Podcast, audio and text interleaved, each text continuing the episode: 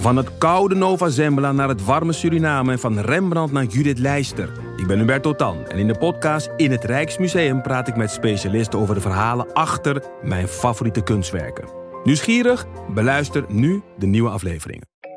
Ik ben Jacqueline en in de podcast Lust praat ik over relaties, intimiteit en alles wat met lust te maken heeft met ervaringsdeskundigen en experts. Of je nu in een relatie zit, single bent of iets daartussenin, Lust is de podcast voor jou. Overal te beluisteren, dus ook in jouw favoriete podcast-app.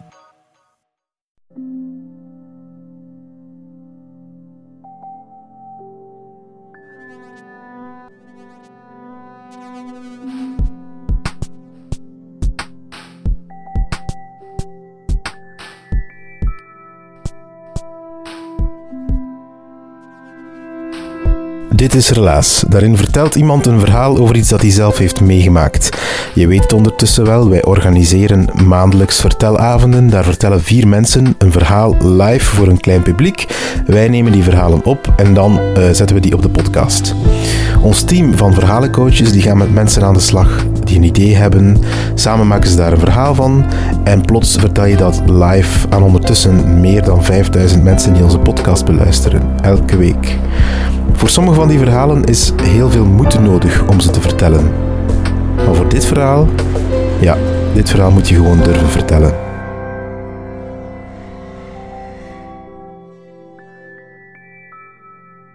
Ik was 20 jaar.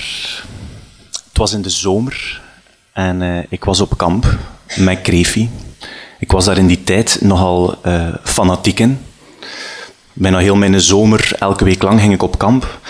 En op die moment was het uh, een kamp in Rotselaar. Ik denk dat het thema circus was of zo. En uh, ik had toen ook mijn eerste echte serieuze lief. Uh, en zij was mee op kamp. En zij was hoofdanimator, ik was animator. We hadden een groep kinderen. Alles liep zoals het hoorde te lopen. Het was vrij plezant. Um, maar op een ochtend stond ik op, op kamp, en er, er kriebelde iets in mijn broek. Het, op dat moment voelde het nog niet super onaangenaam. het, het, tintelde een beetje. En, um, maar ik merkte het dus wel op en ik dacht van, hoe was dat? En naarmate dat de dag verder liep, begon dat te escaleren. En ik moest meer en meer. Ik dacht constant, ik moet naar het toilet. En dan moest ik toch niet naar het toilet. En dat werd echt ambetant. En dat begon zo wat branderig te worden. Zo like zo'n mieren die in je broek aan, het lopen zijn. En ik dacht van shit, ik zit met een geslachtsziekte. ik dacht, zei, mijn lief had toch niet scheef gepoept? Ik zei, ja, dat kan niet, dat kan niet. Ik, ik zei, ja, ik, had, ik ga dan toch, toch, toch vertellen aan mijn lief. Ja, ik heb hier nu iets voor, jongen. Echt, dat doet zeer aan betant. Ik, dat, en dat wordt echt erger en erger en erger. Ja, pak een pijnstiller. Ik zeg, ja, pak, ik een pijnstiller. Ja. Dat gaat dan een beetje, dat gaat een beetje over, maar dan een tijd dat kwam gewoon dubbel zo hard terug. Ik ja, echt, ik kan dat hier niet meer houden. Ik moet naar de dokter. Dus ja, ik zit op kamp. Je zoekt u een dokter in de buurt, dus dat is niet uw huisdokter. Dat is al niet fijn met iemand dat je niet kent, dat je zo met een gênant probleem daar moet aankomen. Goed, ik uh, naar de dokter, ik vertel mijn verhaal van ja, ik weet niet wat dat is, dat kriebelt, brandt zo. Uh, ja, die mens dacht aan een blaasontsteking. Wist het zelf ook niet zo goed toen dat hij naar mijn symptomen luisterde. Maar zei hij, weet je wat, um, ik ga een uitstrijking nemen. Ik wist niet dat dat kon. Ik dacht dat dat enkel bij vrouwen was, dat er uitstrijkers genomen werden. Maar bij mannen kan dat dus ook. Dus uh, het gaat als volgt. Ja, je doet uiteraard je broek uit. En de dokter haalde zo een, een, een, staafje, een ijzeren staafje met zo een, een, een klein watje aan de top. En uh, hij zei, het, zal geen pijn doen. echt waar. Ik zei, ik, was, ik vertrouw die mens. Ja, hij pakt mijn piemel vast en echt ram die staaf erin. Maar echt waar, echt. Ik wist niet gekromen van zeer. Echt. Goed die staaf zit in mijn piemel. En dan draait hij daar ook nog een paar keer aan. Ze echt waar, jongens, niet normaal. Goed, die heeft vrij veel zeer. Uh, maar goed, die mens had zijn uitstrijken. Ehm, weet je wat, ik, zal u, ik zal u nu wat pijnstillers meegeven. Ik ga u morgen bellen uh, met het resultaat. En dan zeg ik wat dat is. Um, goed, voilà, ik terug op kamp, uh, bezig met die kinderen. Maar ja, dat was vrij moeilijk om je te focussen op dat animeren en dat spelletjes spelen als het zoveel zeer doet. Um, S'morgens, die dokter belt, zoals afgesproken, blijkt dat ik een prostaatontsteking heb.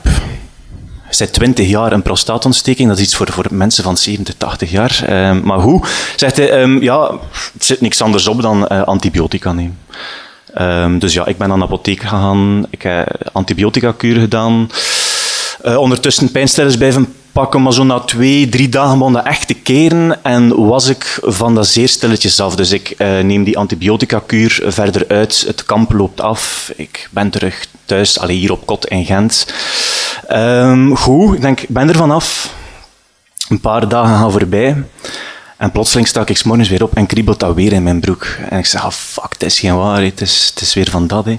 Dus ja, dat escaleert. Ik zeg, ja, oké, moet ik terug naar de dokter. Dus ja, ik ga nu deze keer naar mijn huisdokter, dan in Torhout. Dus een trein nemen in Torhout. Van Gent naar Torhout. Um, ik leg heel dat verhaal uit. Uh, prostaatontsteking, dit en dat, dus en, zo, ja. Ja, zal ik u nog een keer een antibiotica-kuur voorschrijven, dus, um, maar een iets langere. Dus uh, opnieuw naar de apotheek, uh, antibiotica. Ik neem heel die antibiotica-kuur uit. Die pijn verdwijnt en ik denk van oké, ik ben er vanaf. Het is gedaan. Dus een, een, week, twee weken blijft die pijn weg en plotseling ja, stak ik weer op, kriebelt dat weer in mijn broek en echt, dat escaleert weer, weer zoveel zeer. Ik terug naar mijn huisdokter, ik zeg ja, ik zit er weer mee, ik denk dat ik weer een prostaatontsteking heb. Ja, maar hij kijkt zo raar, ja, maar dat is wel een beetje... Ja, ik weet het zelf niet zo goed, zegt hij. Ik ga je toch een keer naar de specialist zijn, naar de neuroloog. Uh, goed. Um, ik naar de neuroloog uh, in Roeselaar in het ziekenhuis. Ik doe daar ook mijn verhaal. Um, hij moest gelukkig geen uitstrijking meer hebben. Um, zegt hij, ik ga je nog een keer een antibiotica laten volgen. Ja, serieus, voor een derde keer. Maar, zegt hij, ik heb ook ik heb ook een eigen receptje. ja, en dat waren, en dat waren zetpillen. Hij moet naar een apotheek gaan en moet dat laten maken. Maar echt... dat, waren echt zo'n duikboten waren dat ongelooflijk. Ja. En ik moest dat twee maanden doen. Um, dus elke avond voor het slapen gaan moest ik zo'n serieuze zetpil in mijn hart steken. Um, ik heb daar trouwens, ik, heb daar trouwens um, ik denk dat ik bij een paar vrienden in een gsm nog steeds zit als, als Jurgen Poepsnoep. Dus, dus 15 jaar later heb ik nog steeds de naam, uh, bijnaam Jurgen Poepsnoep. En um, ja, het ambetante met die zetpillen is ook, dat smelt van achter. En als je dan, als je dan een scheet moet laten, dan is dat, is dat echt saus in je broek. Ongelooflijk, ja. Enfin. Goed twee maanden aan een stuk. Uh, ik elke avond een zetpil in mij had, uh, antibiotica-kuur genomen. De prostaatontsteking had liggen, die trekt zich terug, geen pijn meer. Ik denk van, oké, nu ben ik er vanaf. Um, nee, dus op een ochtend, ik sta weer op en het kriebelt opnieuw in mijn broek. Um, ik zeg, dat kan nu toch niet mogelijk zijn, uh, dat ik nu weer een prostaatontsteking heb. Goed, ja, bel naar mijn dokter. Ik zeg, ja, wat moet ik nu doen? Hij zegt, ja, ga nog een keer naar de specialist. Ja, ik terug naar Russelaar en naar de specialist. Ik vertel dat verraar. Die mens, mens kijkt toch ook raar. Maar allee, hoe kan dat nu? Hoe kan dat nu? Ja, hij wist het leek ook niet goed. Ik zeg, ja, zal ik u nog een keer eh, van die zetpillen uh, voorschrijven. Hè. Maar deze keer moet je ze drie maanden nemen. Ja. drie maanden, ja. En opnieuw een antibiotica-kuur. Serieus, serieus. En um, ik, maar hij heeft mij nog dingen voorgeschreven, namelijk ook, je moet ook zo vaak mogelijk klaarkomen. Um, dus ik moest uh, poepen en masturberen uh, op doktersadvies. Ja. En, en daarbovenop, en dat was het, dat was het, uh, het strafste, um, zegt hij, ja, je zou eigenlijk ook twee keer per week naar hier moeten komen voor een prostaatmassage. Ja. Ik weet niet of dat je dat weet, maar de enigste weg naar de prostaat is, uh, is via de aars. Um, dus ja. Goed. Um, zegt ja, we gaan er van eerste keer mee beginnen. Uh, kom maar mee in mijn kabinet hiernaast. Uh, ja, doe maar uw broek uit.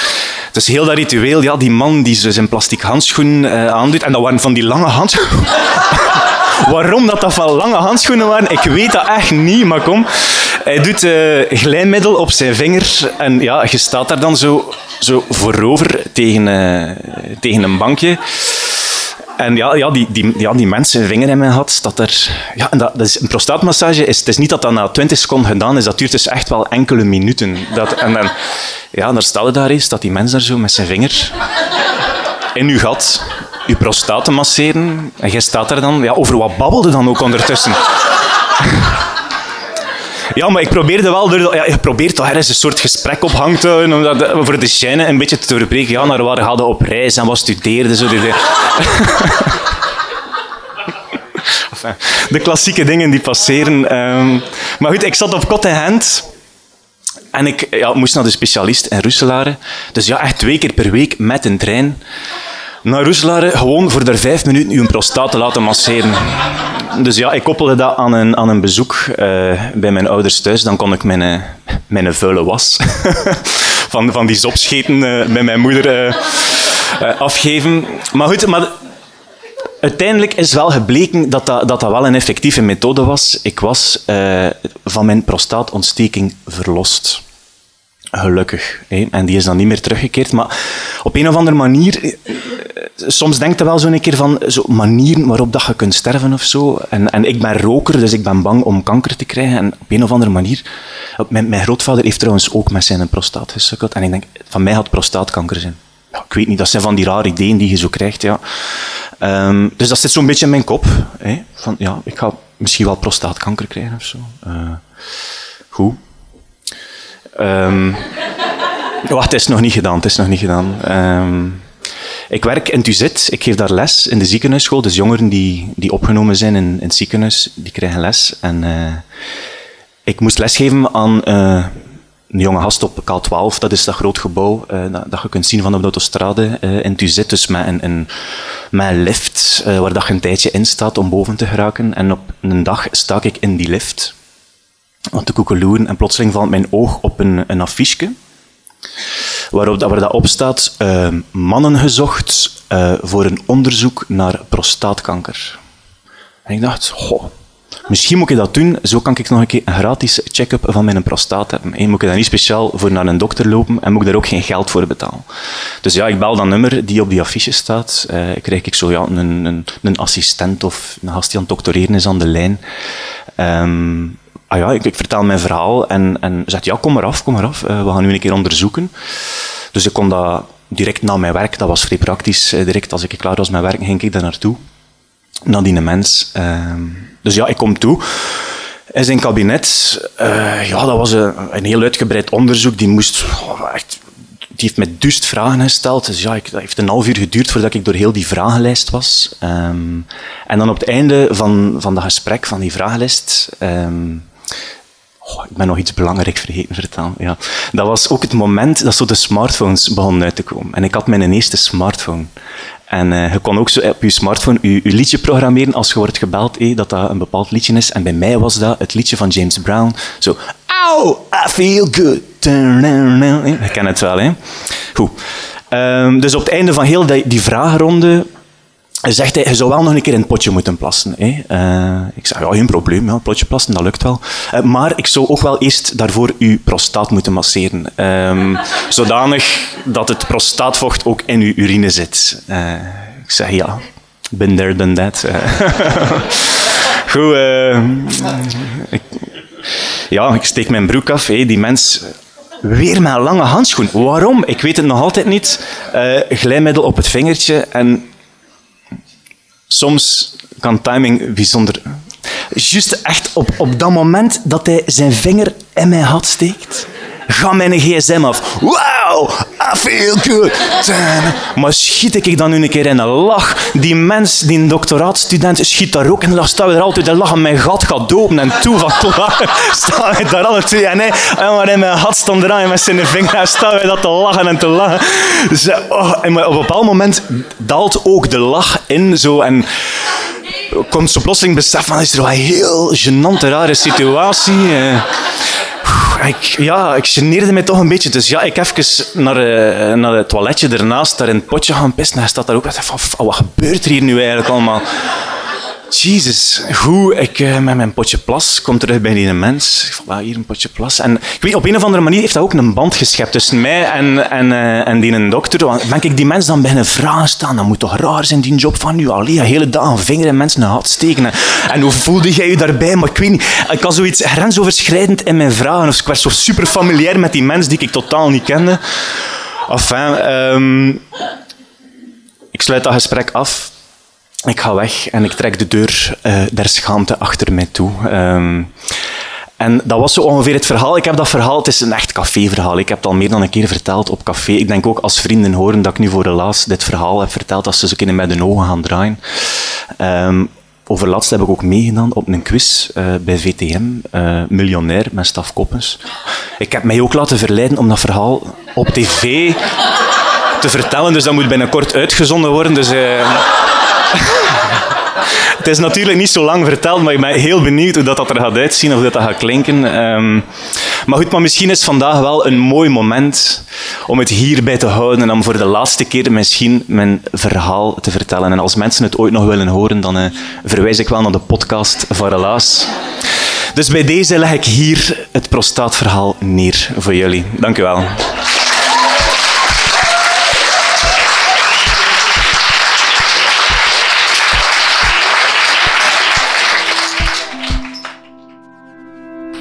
Dat was het relaas van Jurgen. Hij vertelde het voor de allerlaatste keer, zo zegt hij zelf, voor relaas in Huzet in Gent in januari van 2018.